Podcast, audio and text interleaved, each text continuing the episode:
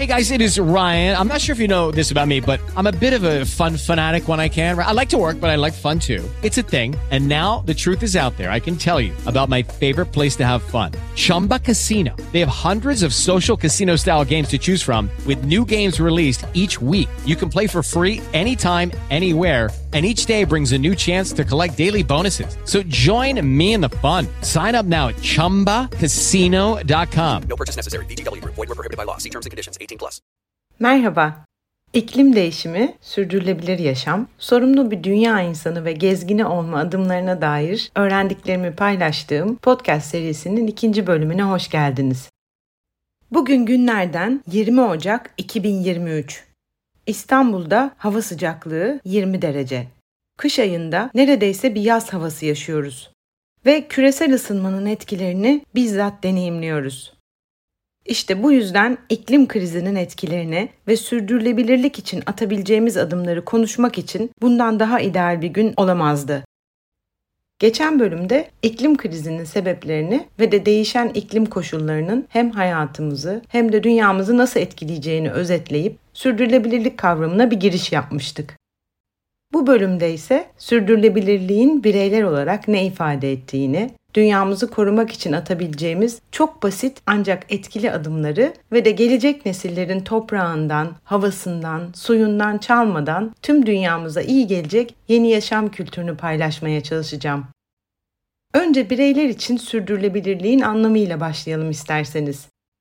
Herhangi bir arama motoruna sürdürülebilirlik yazınca milyonlarca farklı tanım çıkıyor karşınıza. Tek bir kelimeden ibaret gibi gözüken sürdürülebilirlik o kadar çok anlam ve dönüşüm çağrısı barındırıyor ki içinde. Peki Zeynep senin anladığın sürdürülebilirlik tanımın nedir diye sorarsanız okuduklarımdan ve araştırmalarımdan hep hatırlayabilmek için şöyle kısa ve öz bir tanım yaratmaya çalıştım. Başka bir dünya olmadığının bilinciyle yarını düşünerek bugünü yaşamak. Peki kendimize başka bir dünya olmadığını nasıl hatırlatabiliriz ve nasıl eylemlerimizin yarına etkilerini düşünerek hareket edebiliriz? İlk adım sanıyorum ben merkezcilikten çıkmak. Yani hayatımızda insanı ve beni merkeze almak yerine tüm dünyayı ve ekolojiyi merkeze almak. Ego yerine eko diye düşünebilmekle başlıyor sürdürülebilirlik. Yaptığımız her alışverişin ve her eylemin sadece bizi tatmin edecek anlık bir haz yerine gelecek nesillere ve doğaya etkisini göz önünde bulundurarak karar vermeye başlamak aslında ilk adım. Bir önceki bölümde tüketimin damgasını vurduğu hız ve haz çağındayız diye bahsetmiştim. O zaman az ve özle yetinmeyle başlamak hayatlarımızda sürdürülebilirlik için güzel bir anlayış değil mi? Bu da her tüketim seçimimizin öncesinde alacağımız ürünün veya hizmetin etik, adil, temiz, yerel ve doğayla uyumlu üretilip üretilmediğini, dayanıklı ve tasarruflu birer seçim olup olmadığını düşünmek demek. Yani cüzdanımızla değil, vicdanımızla karar vermek anlamına geliyor. Tekrar ediyorum, cüzdanımızla değil, vicdanımızla karar vermek. Bu benim son yıllarda her kararım öncesi kendime hatırlattığım bir cümle haline geldi. Şimdi bana tek başına bir bireyin etkisi ne olabilir ki Zeynep diye sorabilirsiniz. Gelin size çok basit birkaç adımın nasıl sonuçlar doğurabileceğini anlatayım. Diyelim ki diş fırçalarken veya tıraş olurken musluğu kapattınız. Bu evinizde yılda 20 ton su tasarrufu sağlıyor biliyor musunuz?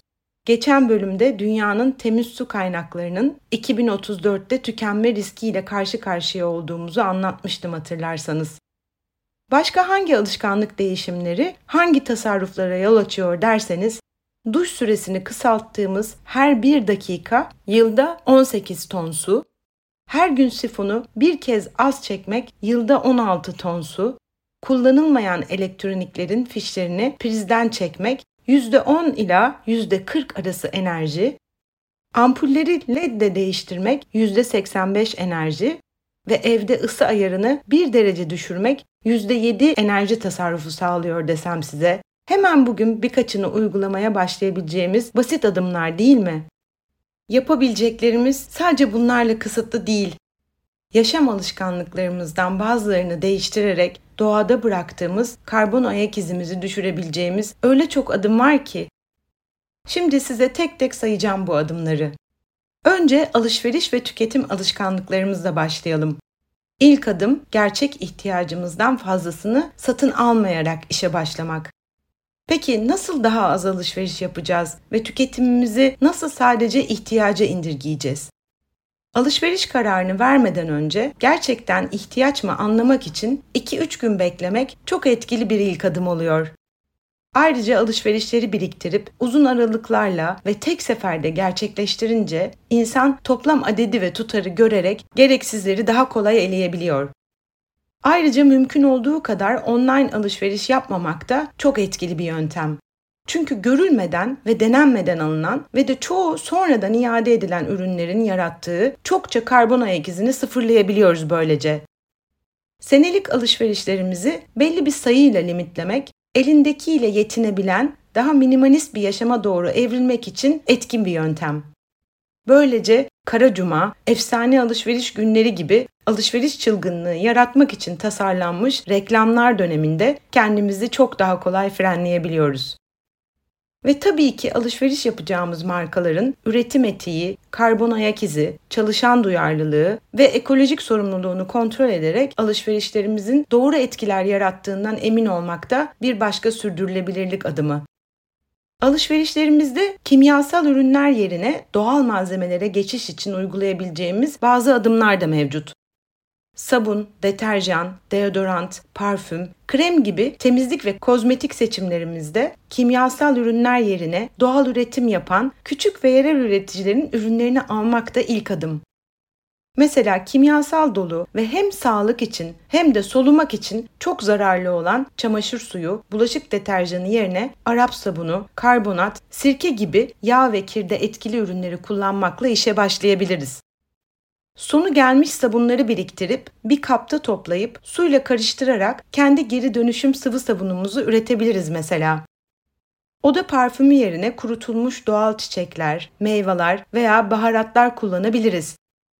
Tuvalet kağıtlarını geri dönüşümlü ekolojik alternatifler seçerek satın alabiliriz. Ve de giyim, aksesuar, mobilya ve ev eşyası seçimlerimizde doğaya yeniden karışabilen toprak, ahşap, taş, hasır, organik pamuk bazlı ürünleri tercih ederek kimyasal atık ayak izlerimizi düşürebiliriz. Şimdi mutfak ve restoran alışkanlıklarımıza bakalım bir. Önce yiyeceklerimizi büyük zincir marketlerden almak yerine yerel üreticiden ve semt pazarlarından alarak işe başlayabiliriz. Tarımsal kimyasalların kullanılmadığı, %100 doğal, katkısız yiyecek ve içecekleri tercih ederek evimize ve semtimize en yakın yerde yetişen, mevsiminde ve etik şekilde üretilen meyve, sebze ve gıdaları tüketmek, mevsim dışı üretimde, lojistikte ve de endüstride harcanan enerjiye karşı çıkmak için etkin yöntemler. Ayrıca meyveyi, sebzeyi görünüşüne göre seçmeyelim ve lütfen ezik büzük ürünü atmayalım. Asıl onlar doğal ve lezzetli ve özellikle tüketeceğimiz kadar gıda alıp bozulmasına izin vermeyecek sırayla tüketelim. Mesela pörsümüş sebzeleri atmayalım. Sudan geçirince kendine geliyor onlar. Plastik atıklarımızı sıfırlayabilmek için pazar ve market alışverişlerimizde yanımızda taşıdığımız geri dönüştürülebilir bez çantaları taşıyalım. Ve market ve mağazalarda en az ambalajlı muhafaza edilmiş mahsulleri tercih edelim. Kafelerde kağıt veya plastik bardak ve de plastik pipet tüketmek yerine yanımızda taşıdığımız termosumuzu veya mataramızı kullanmak çok iyi bir yöntem. Ki artık bilinçli birçok kafe bu uygulamayı indirimle ödüllendirmeye başladı bile. Su satın alacaksak plastik yerine cam şişelerde alıp yeniden kullanabiliriz. Mutfağımızda %100 doğada çözünebilen ekolojik çöp torbası, poşet torba, pişirme kabı veya streç film kullanabiliriz. Dışarıda yemek yerken de yapabileceklerimize dair birkaç ipucu vermek istiyorum. Yiyebileceğimiz kadarını sipariş vererek yemeklerin çöpe gitmesini engellemek ilk adım. Yemeğimiz artarsa da paket yaptırıp yanımıza almak, başka öğünde değerlendirmek veya sokak hayvanlarını beslemek basit ancak etkili bir adım. Yerel üreticiyi destekleyen, tarladan sofraya ve sıfır atık prensiplerini uygulayan restoranları tercih ederek destekleyelim. Bir de satılmayan gıdaları ve yemek atıklarını değerlendirmeye yardım eden, ekonomiye, çevreye ve topluma kazandıran teknoloji platformu fazla gıda gibi platformları kullanan restoranları tercih edebiliriz. Ve de et tüketimimizi azaltıp bitkisel ağırlıklı bir beslenmeye geçiş yapmak hem sağlığımız için hem de endüstriyel hayvancılığın yarattığı karbon ayak izini düşürmek için etkili bir adım. Mümkün olduğu kadar dışarıdan yemek söylememek, söylersek de tek kullanımlık plastik, tabak, çatal, bıçak ve paketli ıslak mendil, mayonez ve hardal gönderilmemesini talep etmeyi de unutmayalım. Şimdi birkaç enerji tasarrufu adımını sayalım. Ev ve iş yeri aydınlatmalarında verimliliği yüksek LED ve eko ampulleri tercih edersek hem 25 kat uzun ömürlü bir seçim yapmış oluyoruz hem de enerji tasarrufu sağlıyoruz. Ayrıca elektrikli aletlerde kloroflorokarbonlar yani CFC içermeyen düşük enerjili modelleri tercih edersek enerji tasarrufunu arttırabiliyoruz. Televizyon, bilgisayar, telefon, modem ve diğer elektrikli aletleri prizden çekerek şarjda bırakmamak ciddi enerji tasarrufu sağlıyor. Klima, kurutma makinesi, yazıcı ve fotokopi gibi yüksek enerji tüketen elektrikli aletleri mümkün olduğu kadar az kullanabiliriz. Diğer enerji tasarrufu sağlayan basit adımlarsa buzdolabının kapağını açık tutmamak, gündüzleri ışıkları söndürerek gün ışığından yararlanmak, evde ve iş yerinde iyi izolasyon ve yalıtım önlemleri uygulamak, evimizde ısı ayarını birkaç derece düşürmek, ütüyü az kullanmak ve yine evde ve iş yerinde odadan çıkarken ışıkları ve klimayı kapattığımızdan emin olmak. Ayrıca asansör yerine merdivenleri tercih etmek hem sağlığımız için hem de enerji tasarrufu için çok faydalı.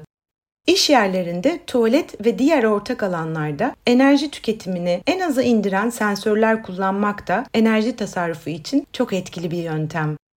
Hatta yaşadığımız coğrafya ve koşullar imkan tanıyorsa enerjimizi güneş panellerinden sağlamak en ideal çözüm. Su tasarrufu için neler yapabiliriz diye sorarsanız, bulaşık, çamaşır, duş ve tuvalette su tüketimimizi azaltmak için diş fırçalarken ve tıraş olurken musluğu kapatmak, duş süresini azaltmak, elde bulaşık yıkamamak ve sifonu mümkün olduğu kadar az çekmek basit ama etkili adımlar diye bahsetmiştim.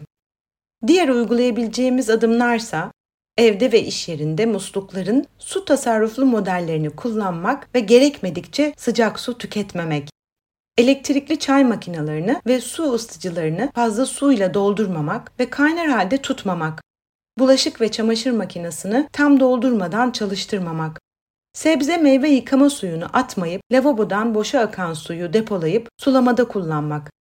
Damacana su yerine filtrelenmiş su kullanmak da ciddi su tasarrufu sağlıyor. Şimdi gelelim çöp atık yönetimi ve geri dönüşüm için hangi adımları atabileceğimize. Sokağa çöp atmamak ve atanı uyarmak ilk adım. Ne yazık ki bunun örneklerini ülkemizde hala çok sık görüyoruz. Atıklarımızı geri dönüştürecek şekilde ayrıştırmak da önemli bir adım. Mesela evde birkaç farklı çöp kullanarak organik yaş mutfak atıklarını birisine, geri dönüştürülebilirleri de diğerlerine toplayabiliriz. Ve hatta mutfak çöpümüzü kompost yapabiliriz evimizde, terasımızda, bahçemizde, tarlamızda kullanmak üzere kompost yapımı bilgileri için Buğday Derneği'nin harika bir podcast'i mevcut. Bozulan eşyalarımızı onaran veya yaratıcı yeniden kullanımlara dönüştüren Onaranlar Kulübü isimli bir oluşum olduğunu biliyor musunuz? Elektronik atıklarımızı ise tamir veya geri dönüşüm gibi yöntemlerle azaltmamız mümkün. İş yerlerinde kullanat bardak kullanmamak, çöpleri geri dönüşüme kazandırmak, bitkisel atık yağları toplayarak Çevre Bakanlığı lisanslı olarak biyodizel üreten Koza Biyodizel veya Evreka gibi kuruluşlarla çalışmak etkili adımlar. Günlük hayatımızda ve işlerimizde online, cep telefonu, tablet, bilgisayar kullanırken dikkat edebileceğimiz çok basit birkaç adım var. Sosyal medyada geçirilen her vakit sadece bedene ve zihne değil, doğaya da zarar veriyor. Bunu unutmayalım. Arama motoru olarak gelirlerini ağaçlandırmaya bağışlayan Ekosya'yı kullanabiliriz.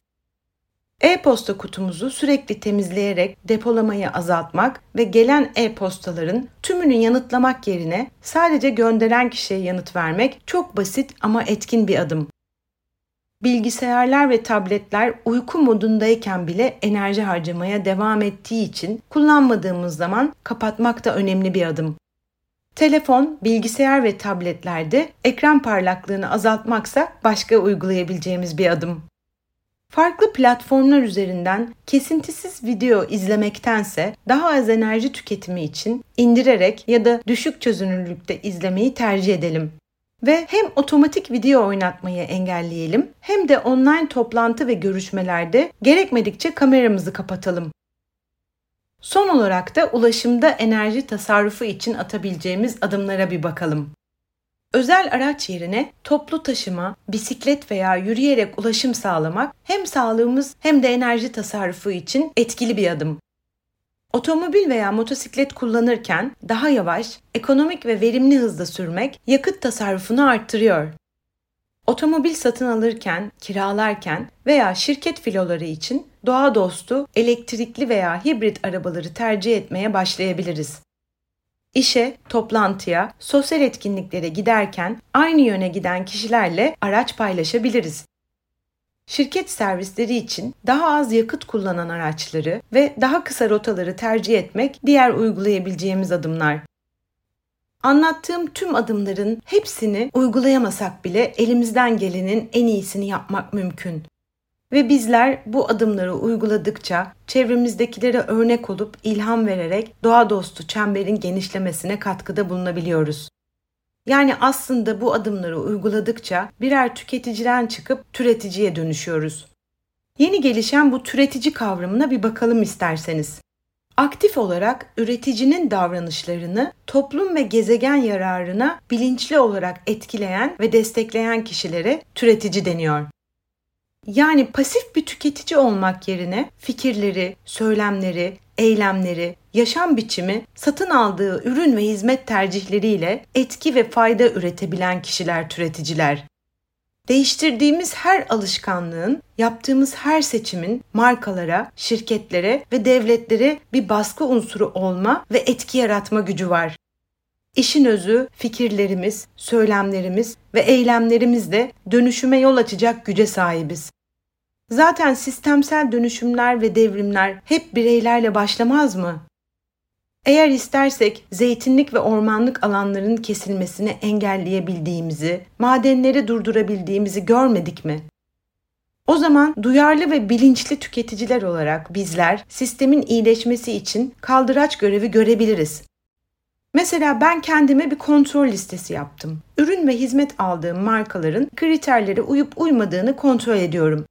Toprağı, doğayı, ekolojiyi, biyolojik çeşitliliği koruyan, işçi çalıştırma koşullarında insan haklarına, cinsiyet eşitliğine, adalete ve hayvan haklarına saygı duyan, yeşil enerjiler kullanan, sıfır atık prensibiyle geri dönüşüm ve iyileştirme projeleri uygulayan, karbon ayak izini düşürüp sıfırlamaya çalışan, su tüketimini azaltan, plastik kullanımını engelleyen, tamamen çözünebilir ve doğaya karışabilir malzemeler kullanan, fakirlik, açlık, eşitsizlik ve adaletsizlikle savaşan, etik, ahlaki ve temiz üretim yapan yeşil ve yerel markaları tercih ederek destek olmaya özen gösteriyorum.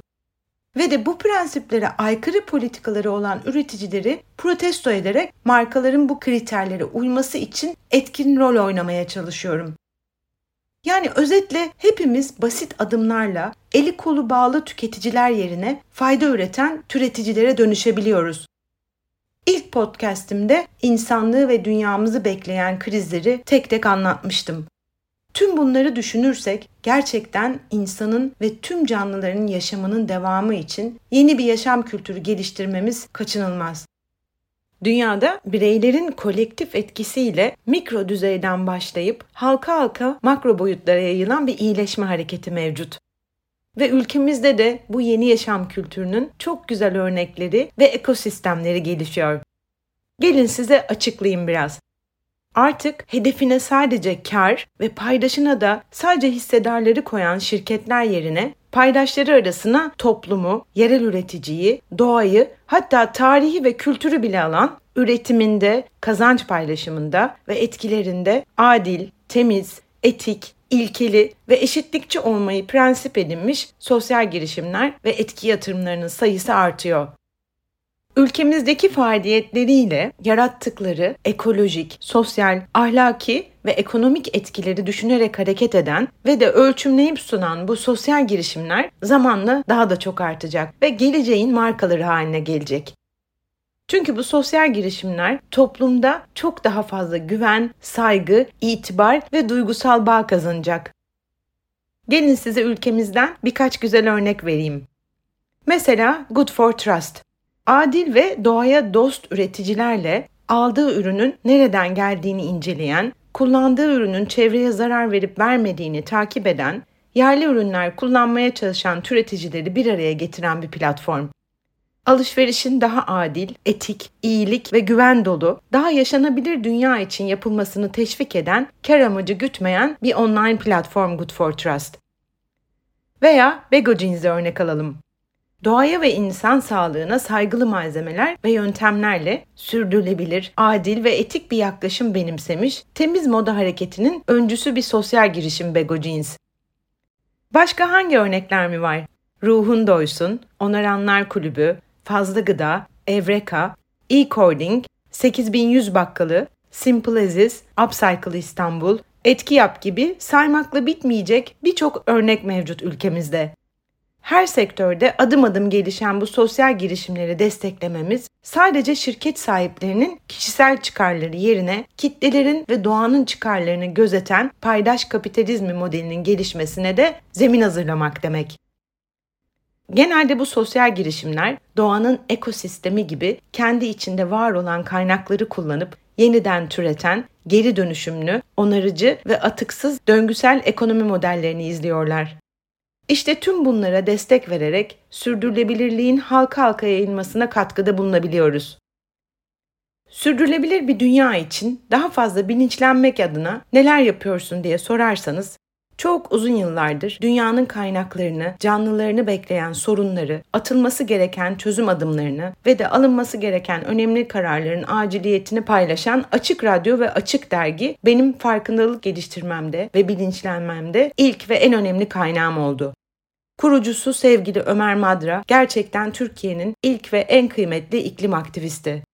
Son iki senedir Türkiye'den çok değerli sosyal girişim, yaratıcı teknoloji, enerji dönüşüm ve network kurucuları, akademisyen ve bilim insanlarını misafir eden Esmiyor ekibinin dinlediğim tüm podcastleri iklim krizi ve çözüm önerilerine dair birçok farklı bilgiyi, pratiği ve yaratıcı girişimi öğrenmemde çok faydalı oldu. Aynı şekilde Aslı Dede'nin Sürdürülebilir Yaşam Okulu ve de Sertaç Doğanay'ın Sürdürülebilir Sohbetler podcastleri sürdürülebilir bir dünya için Türkiye'den çok güzel örnek kuruluşların ve girişimlerin temsilcileriyle sohbetler gerçekleştiriyor. Ve bir de Buğday Derneği'nin Kurda Kuşa Aşa podcast serisi kırsalda ve şehirde doğal ve ekolojik yaşama dair nefis ipuçları ve hikayeler dinlediğim bir dinleti serisi. Her sene gerçekleşen Sürdürülebilir Yaşam Film Festivali ise sürdürülebilir kalkınma amaçları, iklim değişikliği, sıfır atık, enerji, su, toprak, tarım ve gıda, doğa ve biyoçeşitliliği koruma ve sosyal girişimcilik gibi farklı konulardaki öğretici ve ilham verici en güzel belgeselleri seyretme imkanı sunuyor. Ayrıca vakit buldukça bir buçuk derece, Eco IQ, Dünya Ahali, Plummek gibi yayınların paylaşımlarını da okumaya özen gösteriyorum. Peki sürdürülebilir dünyayı ve ülkemizi desteklemek için başka neler yapabiliriz? Sürdürülebilirliği ilke edinmiş diğer sosyal girişim örnekleri hangileri? Doğayı ve doğal hayatı korumayı ilke edinmiş, geleceği dönüştürmek için projeler, eğitimler üreten, destekleyebileceğimiz sivil toplum kuruluşları ve platformlar hangileri? Sürdürülebilir yaşam, iklim krizi, ekolojik yaşam, permakültür tarım uygulamaları ile ilgili en faydalı ve en güzel kitap önerileri ve de belgesel önerileri hangileri? Tüm bu soruların cevapları yolculukterapisi.com web sitemdeki Sürdürülebilir Dünya ne demek? Bireyler olarak sürdürülebilir bir dünya için neler yapabiliriz yazımda detaylıca yer alıyor. Bu arada dikkat etmemiz gereken çok önemli bir konu daha var. Birçok marka sürdürülebilirlik kavramının popüler olmasıyla birlikte bu hareketten nemalanmak için sürdürülebilirlik etiketli proje ve kampanyalar yapıyor. Ancak bunların bir kısmı arkası boş vaatlerle sürdürülebilirliği pazarlama aracı olarak kullanan markalar. Greenwashing yani yeşil badana ya da yeşil aklama denilen bu uygulamalar pazar paylarını koruyabilmek için planlanmış ve bizlerin iyi niyetini istismar eden aslı olmayan söylemler. Bu sebeple her söyleme inanmamamız ve de bu markaları da boykot etmemizde fayda var. Şu anda Zeynep tüm bunları nasıl yapacağız dediğinizi duyar gibiyim. Ancak inanın insan elinden gelen adımları atmaya başladıkça arkası yavaş yavaş geliyor ve atabildiğimiz her küçük adım olumlu bir etkiye yol açıyor. Ve kendi tecrübeme dayanarak size garanti veriyorum. Bireyler olarak uyguladığımız her tasarruf ve az tüketim adımı, her geri dönüşüm ve sıfır atık çabası, daha azla yetinen, ihtiyacından fazlasını tüketmeyen, daha çok kıymet bilen bireylere dönüşmemizi sağlıyor ve geceleri yastığa başınızı koyduğunuzda daha iç huzurlu bir uyku uyumanıza imkan tanıyor. Sorunun bir parçası olmak yerine çözümün bir parçası olmanın verdiği bir iç huzuru bu. Zaten önemli olan da bu değil mi? Dünyanın ve doğanın hepimizin evi olduğunu hatırlayarak din, ırk, millet ve canlı türü ayrımı yapmadan ormanından arısına, bitkisinden hayvanına, tüm canlıların yaşam hakkına saygı gösteren ekolojik, ekonomik ve sosyal etkileri ahlaki, adil ve eşitlikçi olan seçimler yapmak öyle hafifletici, huzur verici bir deneyime dönüşüyor ki zamanla. Sonuçta tüm bu adımlar birbirimize ve dünyamıza daha fazla sevgi, şefkat ve saygı göstermek demek. Sahiptaşlık yerine yaşamdaşlık diyebilmek demek. Gelecek nesillerin besininden, havasından, suyundan, toprağından, enerjisinden çalmamak demek değil mi? Bu bölümde dünyamıza iyi bakmak için bireyler olarak atabileceğimiz basit ancak etkili adımları ve sürdürülebilir yaşam kültürünün yeni kavramlarını ele aldık. Bir sonraki bölümde sürdürülebilir seyahati ele alacağız ve nasıl sorumlu birer dünya gezgini olabileceğimize dair ipuçlarını paylaşacağım düşüncelerimiz, sözlerimiz, eylemlerimiz ve alışkanlıklarımızla birbirimizin, tüm canlıların, doğanın ve dünyanın kıymetini bilebileceğimiz, sahip çıkacağımız günlerin yakın olmasını dileyerek sorumlu bir dünya gezgini olmaya dair ipuçlarını anlatacağım bir sonraki bölümde buluşmak üzere. Hoşçakalın. With lucky landslots, you can get lucky just about anywhere. Dearly beloved, we are gathered here today to. Has anyone seen the bride and groom? Sorry, sorry, we're here. We were getting lucky in the limo and we lost track of time. No, Lucky Land Casino, with cash prizes that add up quicker than a guest registry. In that case, I pronounce you lucky. Play for free at LuckyLandSlots.com. Daily bonuses are waiting. No purchase necessary. Void where prohibited by law. 18 plus. Terms and conditions apply. See website for details.